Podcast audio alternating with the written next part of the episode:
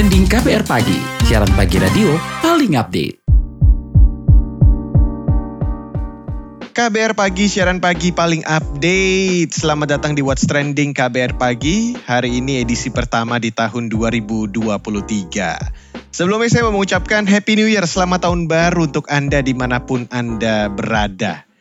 Ya meskipun hujan hingga cuaca ekstrim melanda beberapa daerah tapi tetap semangat ya menyongsong tahun yang baru. Nah, di tahun baru ini apa resolusi kamu? Kalau saya sih ya pingin menjadi orang yang lebih baik dalam segala hal. Emang ya kalau ngomongin tahun baru yang banyak dibahas itu salah satunya soal resolusi. Bisa soal kesehatan, impian, kerja, social life, soal fashion mungkin, atau ada yang mau membangun usaha di 2023. Tapi kita mesti hati-hati juga ya dengan pergolakan politik di tahun ini. Karena negara plus 62 ini gak bakal kalah rame soal isu politiknya. Dan kadang punya pengaruh juga ke kehidupan kita. Resolusi tahun baru didefinisikan sebagai janji yang dibuat pada diri sendiri untuk memulai sesuatu yang baik dan menghentikan kebiasaan yang buruk mulai dari hari pertama di tahun baru.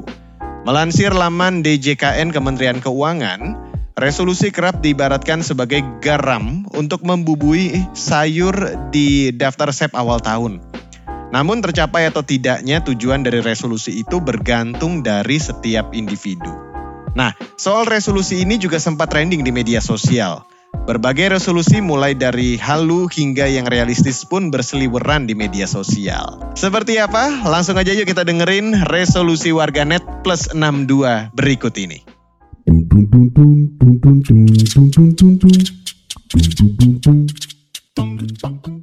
Pertama, akun at Happy New Year cantikku. Semoga resolusi baru kamu tercapai. At The Superboy Tidak ada resolusi untuk 2023 Hanya berusaha lebih baik dari hari ke hari saja. At Fikri XX resolusi 2023 Hmm, be better from yesterday and learn from any mistake. At Vindes Tweet Apalah arti resolusi jikalau sehari-hari nantinya hanya rebahan saja? At Siska underscore XX Sumpah ya, awas aja tahun 2023 aku masih jomblo. At IUXX Alhamdulillah investasi udah tahun ini. Tabuh besok nabung lagi buat modal nikah. Ke at X Hero XX Seh 2023 kalau mau caper sama Oh Seung Min dibilang halu apa resolusi? At Maiko XX wak wak wak. Resolusi 2023 stream BTS more and more At Fanny XX main resolusi 2023 cuma satu aja yang paling penting. Benerin flow keuangan biar gak boncos dan semua tabungan bisa jalan. Terakhir, at Gustia XX Semoga tahun 2023 bisa dapat pencapaian yang lebih baik setiap bulannya. Bisa lebih semangat lagi, bisa lebih diapresiasi lagi. Semoga bisa berlimpah rezeki. Resolusi 2023 ku adalah memperbaiki semua hal yang berkaitan sama keuangan. Bismillah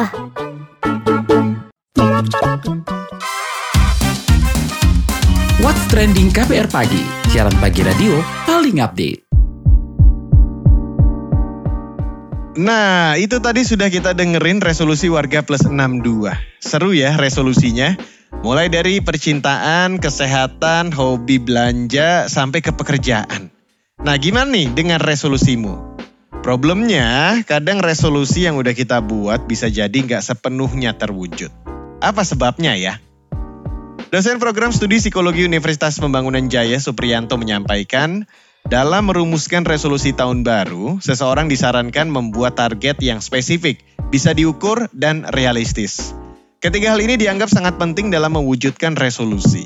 Berikut penuturan dosen program studi psikologi Universitas Pembangunan Jaya, Supriyanto di podcast Diskusi Psikologi atau DISKO yang akan tayang pada 4 Januari 2023. Bisa didengerin di kbrprime.id atau di aplikasi Spotify untuk lebih lengkapnya ya. Sebenarnya sih kalau kita mau membuat uh, resolusi itu tentu kaitannya dengan adanya target atau tujuan yang hendak kita ubah gitu ya dalam diri kita.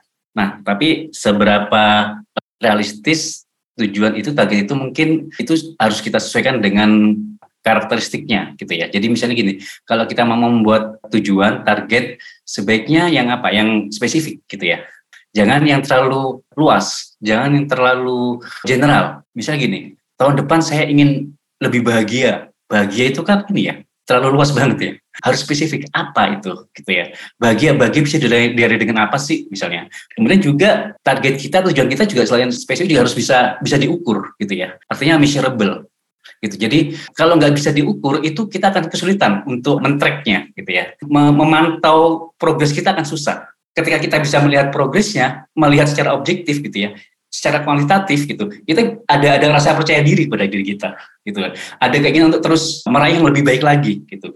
Jadi selain spesifik juga measurable harus bisa diukur bisa dinilai gitu ya. Jadi perubahannya itu bisa dinilai gitu ya. Kemudian juga biar gak halu-halu banget juga gitu ya. Tadi misalnya pengen punya artis K-pop itu kira-kira bisa diraih nggak ya? Bisa dicapai nggak ya? Mungkin gini, ada salah satu faktor yang bisa membantu kita untuk tetap kita fokus pada pada target yang kita tetapkan. Pertama mungkin kemampuan kita dalam mengelola diri sendiri atau istilahnya regulasi diri gitu ya. Jadi kalau kita punya kemampuan meregulasi diri, kita akan tetap stay fokus pada target kita gitu ya. Karena apa?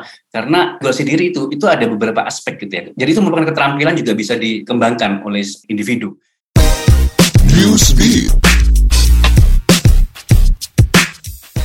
Paus Benediktus ke-16 rencananya akan dimakamkan pada 5 Januari 2023 di lapangan Santo Petrus, Vatikan. Sementara itu pada hari ini 2 Januari jenazah dari Paus disemayamkan di Basilika Santo Petrus. Sebelum meninggal, Paus mengundurkan diri dan menuliskan surat terakhirnya. Pada surat terakhirnya, Paus meminta maaf dan pengampunan kepada para penyintas pelecehan seksual. Meski begitu, tidak ada penjelasan secara spesifik terkait persoalan ini. Paus mengatakan dirinya hanya bisa mengungkapkan rasa malu yang mendalam, kesedihan dan permintaan maaf tulusnya. Tak hanya permintaan maaf, Paus juga mengungkapkan momen-momen yang membuatnya bersyukur atas kehidupannya. Paus Benediktus XVI meninggal di usia 95 tahun pada 31 Desember 2022 setelah kesehatannya memburuk. Pemimpin negara dan tokoh-tokoh dunia menyampaikan bela sungkawa atas berpulangnya Paus Benediktus ke-16. Melansir Reuters, Paus Franciscus menyampaikan bela sungkawa dan menyebut Paus Benediktus sebagai sosok yang mulia serta baik hati. Presiden Rusia Vladimir Putin juga menyampaikan kedukaannya dan menyebut Paus sebagai pembela nilai-nilai Kristen tradisional. Sedangkan Raja Charles III mengenang mendiang sebagai sosok yang mendorong perdamaian dunia. Paus Benediktus juga dikenang sebagai sosok teolog yang hebat dan berpengaruh di dunia. Ini disampaikan Perdana Menteri PM Inggris Rishi Sunak via media sosialnya. Tiongkok meradang usai beberapa negara membatasi pergerakan dan mobilitas dari wilayahnya karena penyebaran COVID-19. Juru bicara Kementerian Luar Negeri Cina Wang Wenbin mendesak pelonggaran perjalanan dari negaranya. Wang menyoroti sejumlah negara seperti Amerika Serikat, Jepang, Italia hingga India yang memperketat aturan bagi pelancong asal Cina. Menurut Wang, kebijakan pencegahan COVID-19 saat ini tidak boleh menghalangi perjalanan dan kerjasama antar manusia.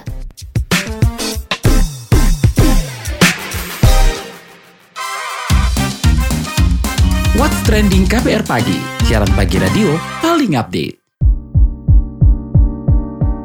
Terima kasih Anda masih bergabung di What's Trending KBR Pagi hari ini tanggal 2 Januari 2023. Dan untuk ngulik soal gimana sih membuat resolusi yang tepat untuk keuangan kita, saya bakal obrolin bareng financial planner Meta Anggriani. Oke Mbak Meta, selamat pagi.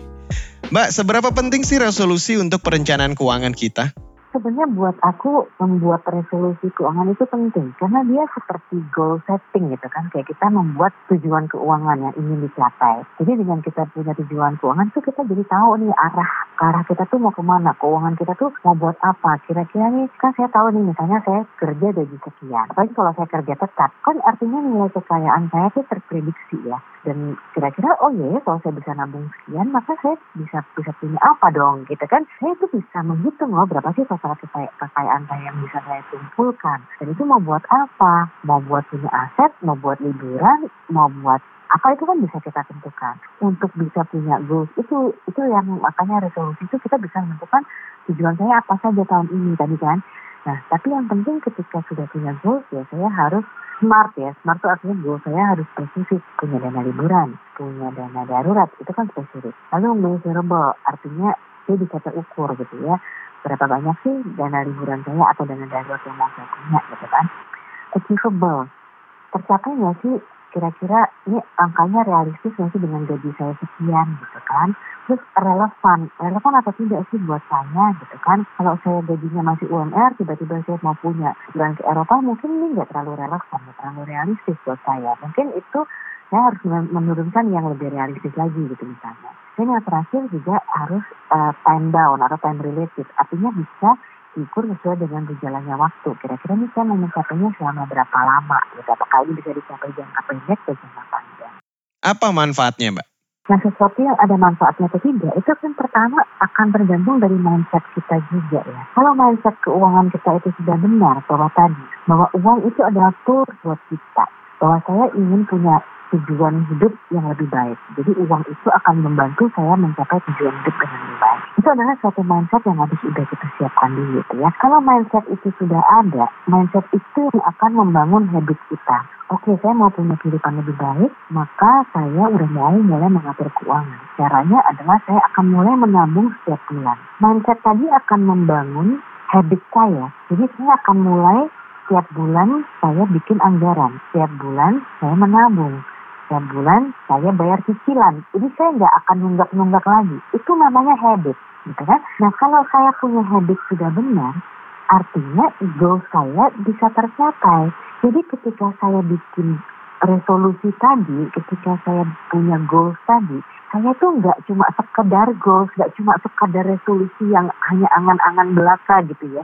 Karena saya ketika saya menciptakan resolusi tadi, saya sudah punya mindset yang jelas, tujuan yang jelas dan dengan tujuan itu saya sudah punya niat dan saya akan membangun habit saya untuk secara rutin menabung atau membuat anggaran atau bayar cicilan sehingga nanti goal saya tercapai. Nah ini yang memang perlu praktis dan ini mungkin memang tidak akan tercapai dalam sekejap. Oke, Mbak Meta tadi bilang resolusi ini penting, apalagi kalau kita mau rubah kebiasaan. Nah, kita mesti mulai dari mana nih Mbak? Gimana kita membuat resolusi keuangan kita? Sebenarnya resolusi keuangan itu simpel sih. Kita bisa mulai dari hal-hal yang paling simpel. Kayak misalnya pertama, bikin catatan keuangan. Itu paling simpel banget ya. Jadi karena kadang-kadang kita tuh nggak tahu uang kita larinya ke mana. Padahal sebenarnya kalau kita bicara perencanaan keuangan tuh bisa dimulai dengan pertama kita atur cash flow. Jadi kita tahu nih uang kita setiap bulan datang dari mana, keluarnya ke mana. Nah sementara keluar itu kan tiap hari keluar ya berkali-kali lagi gitu kan. Nah jadi kita buat catatan keuangan. Mulai dari situ aja. Nah dengan kita punya catatan keuangan kita tuh jadi tahu pola konsumsi kita seperti apa gitu kan.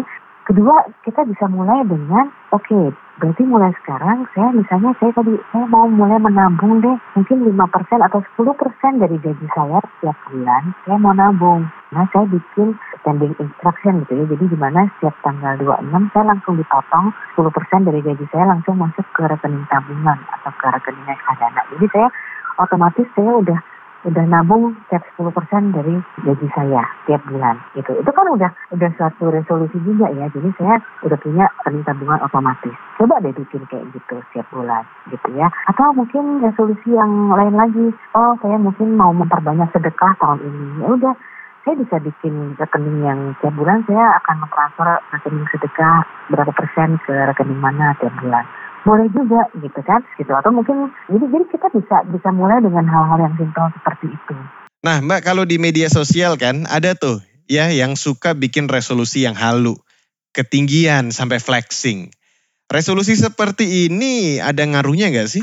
Ada orang yang dengan flexing dia memang jadi semangat. Misalnya di tahun di awal tahun dia bilang targetku tahun ini katakanlah mau beli rumah atau mau beli mobil. Artinya kan kalau dia dari awal tahun dia udah udah menggaung-gaungkan itu, artinya kan dia tahu bahwa dia harus mengumpulkan DP-nya dulu lah at least ya DP beli rumah atau DP beli mobil gitu kan itu dan sebenarnya beli beli rumah sekarang atau beli mobil sekarang kan sangat fleksibel ya sebenarnya kan DP itu bisa diatur mau berapa persen. Artinya semakin murah DP-nya ya semakin besar utangnya kan, semakin panjang tenornya juga gitu kan. Ada orang yang memang ketika dia flexing justru dia merasa itu komitmen buat dia. Karena gue udah janji kalau aku udah udah pasang status begitu berarti aku harus penuhin gitu kan. Asal itu memang kejadian berarti at least dia tahu bahwa at least saya harus kumpulin DP-nya ya nggak apa-apa kumpulin aja dulu DP-nya ya bisa majuin DP KPR-nya gitu kan atau KPM untuk kredit pemilikan mobil. Kadang-kadang kalau kita misalnya katakanlah nih mau beli rumah kredit pemilikan rumah sekarang itu kan kredit pemilikan rumah juga mudah ya artinya gini untuk milenial milenial sekarang ternyata kredit pemilikan rumah tuh sekarang tenornya bisa sangat panjang gitu sampai 20 atau 25 tahun bahkan gitu ya. Kalau menurut saya sih kalau memang udah niat gitu ya dan memang udah punya udah mulai ngumpulin DP nggak apa-apa dan memang punya income tetap ya DP-nya sudah mulai terkumpul kita boleh eksekusi gitu ya. Jadi dan, dan ketika kita punya KPR kan tentu bank juga akan melihat kan kalau mereka mereka kasih kredit juga nggak nggak asal-asalan gitu ya. Kalau memang akhirnya bank ada yang mau kasih KPR, artinya kan kita sudah dianggap kredibel juga gitu kan.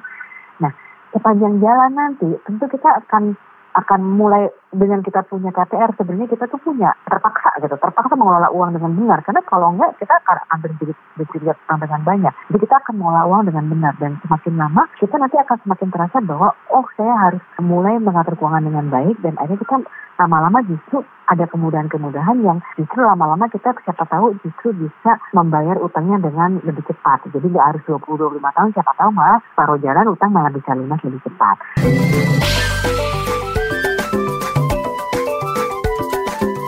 WhatsApp Indonesia. WhatsApp Indonesia kita mulai dari Bali. Menteri Pariwisata dan Ekonomi Kreatif Menparekraf Sandiaga Salahuddin Uno menyambut wisatawan yang datang ke Indonesia untuk memperingati Tahun Baru 2023. Salah satunya dua orang wisatawan asal Toronto, Kanada yang tiba di Bandar Udara Internasional Ngurah Rai Bali menggunakan pesawat Korea Air dari Incheon, Korea Selatan. Sandi mengatakan usai kebijakan pemberlakuan pembatasan, kegiatan masyarakat PPKM diakhiri lembaran baru sektor pariwisata akan dimulai. Meski begitu, kinerja sektor pariwisata dan ekonomi kreatif di tahun 2023 dihadapkan dengan target yang cukup tinggi. Kunjungan wisatawan mancanegara diharapkan dapat mencapai angka 7,4 juta dan wisatawan Nusantara mencapai 1,2 sampai 1,4 miliar pergerakan. Bali sebagai salah satu destinasi unggulan di Indonesia diharapkan dapat menopang target tersebut dengan jumlah kunjungan wisata sebesar 4 juta. Selanjutnya menuju Jakarta, Menteri Koordinator Bidang Politik Hukum dan Keamanan Menko Polhukam Mahfud MD berharap tahun 2023 dapat disongsong dengan aman dan sejuk. Sebab tahun ini adalah tahun politik jelang pemilu 2024. Melansir antara, Mahfud MD memastikan pelaksanaan pemilu di 2024 akan sesuai jadwal. Namun Mahfud menekankan pentingnya pengawalan agenda politik di bumi pertiwi ini. Sebab kelancaran dan keamanan di tahun politik perlu terus dijaga. Pada 2023, beberapa agenda tahap pemilu yang akan dilakukan adalah pencalonan presiden dan wakil presiden, anggota DPR, DPRD provinsi, dan DPRD kabupaten atau kota. Meski begitu, beberapa tahapan pemilu 2024 sudah dilangsungkan Komisi Pemilihan Umum KPU sejak Juni 2022 silam. Terakhir mampir Tangerang. 3 Januari 2023, tarif tol Tangerang menuju Merak akan naik. Mengutip Detik, Presiden Direktur Astra Tol Tamer Kris Ade Sudiono mengatakan, kenaikan ini sesuai dengan keputusan Menteri PUPR tentang penyesuaian tarif tol pada ruas jalan tol Tangerang Merak. Terkait hal itu, Ade menyampaikan jumlahnya bervariasi. Golongan satu dengan jarak terdekat dari Cikupa ke Balaraja Timur naik dari Rp2.500 menjadi Rp3.000. Jarak terjauh Cikupa menuju Merak sebelumnya Rp44.000 menjadi Rp53.500. Ade juga mengatakan sosialisasi kenaikan tarif tol tersebut sudah mulai disosialisasikan sejak dua minggu lalu. Demikian WhatsApp Indonesia hari ini.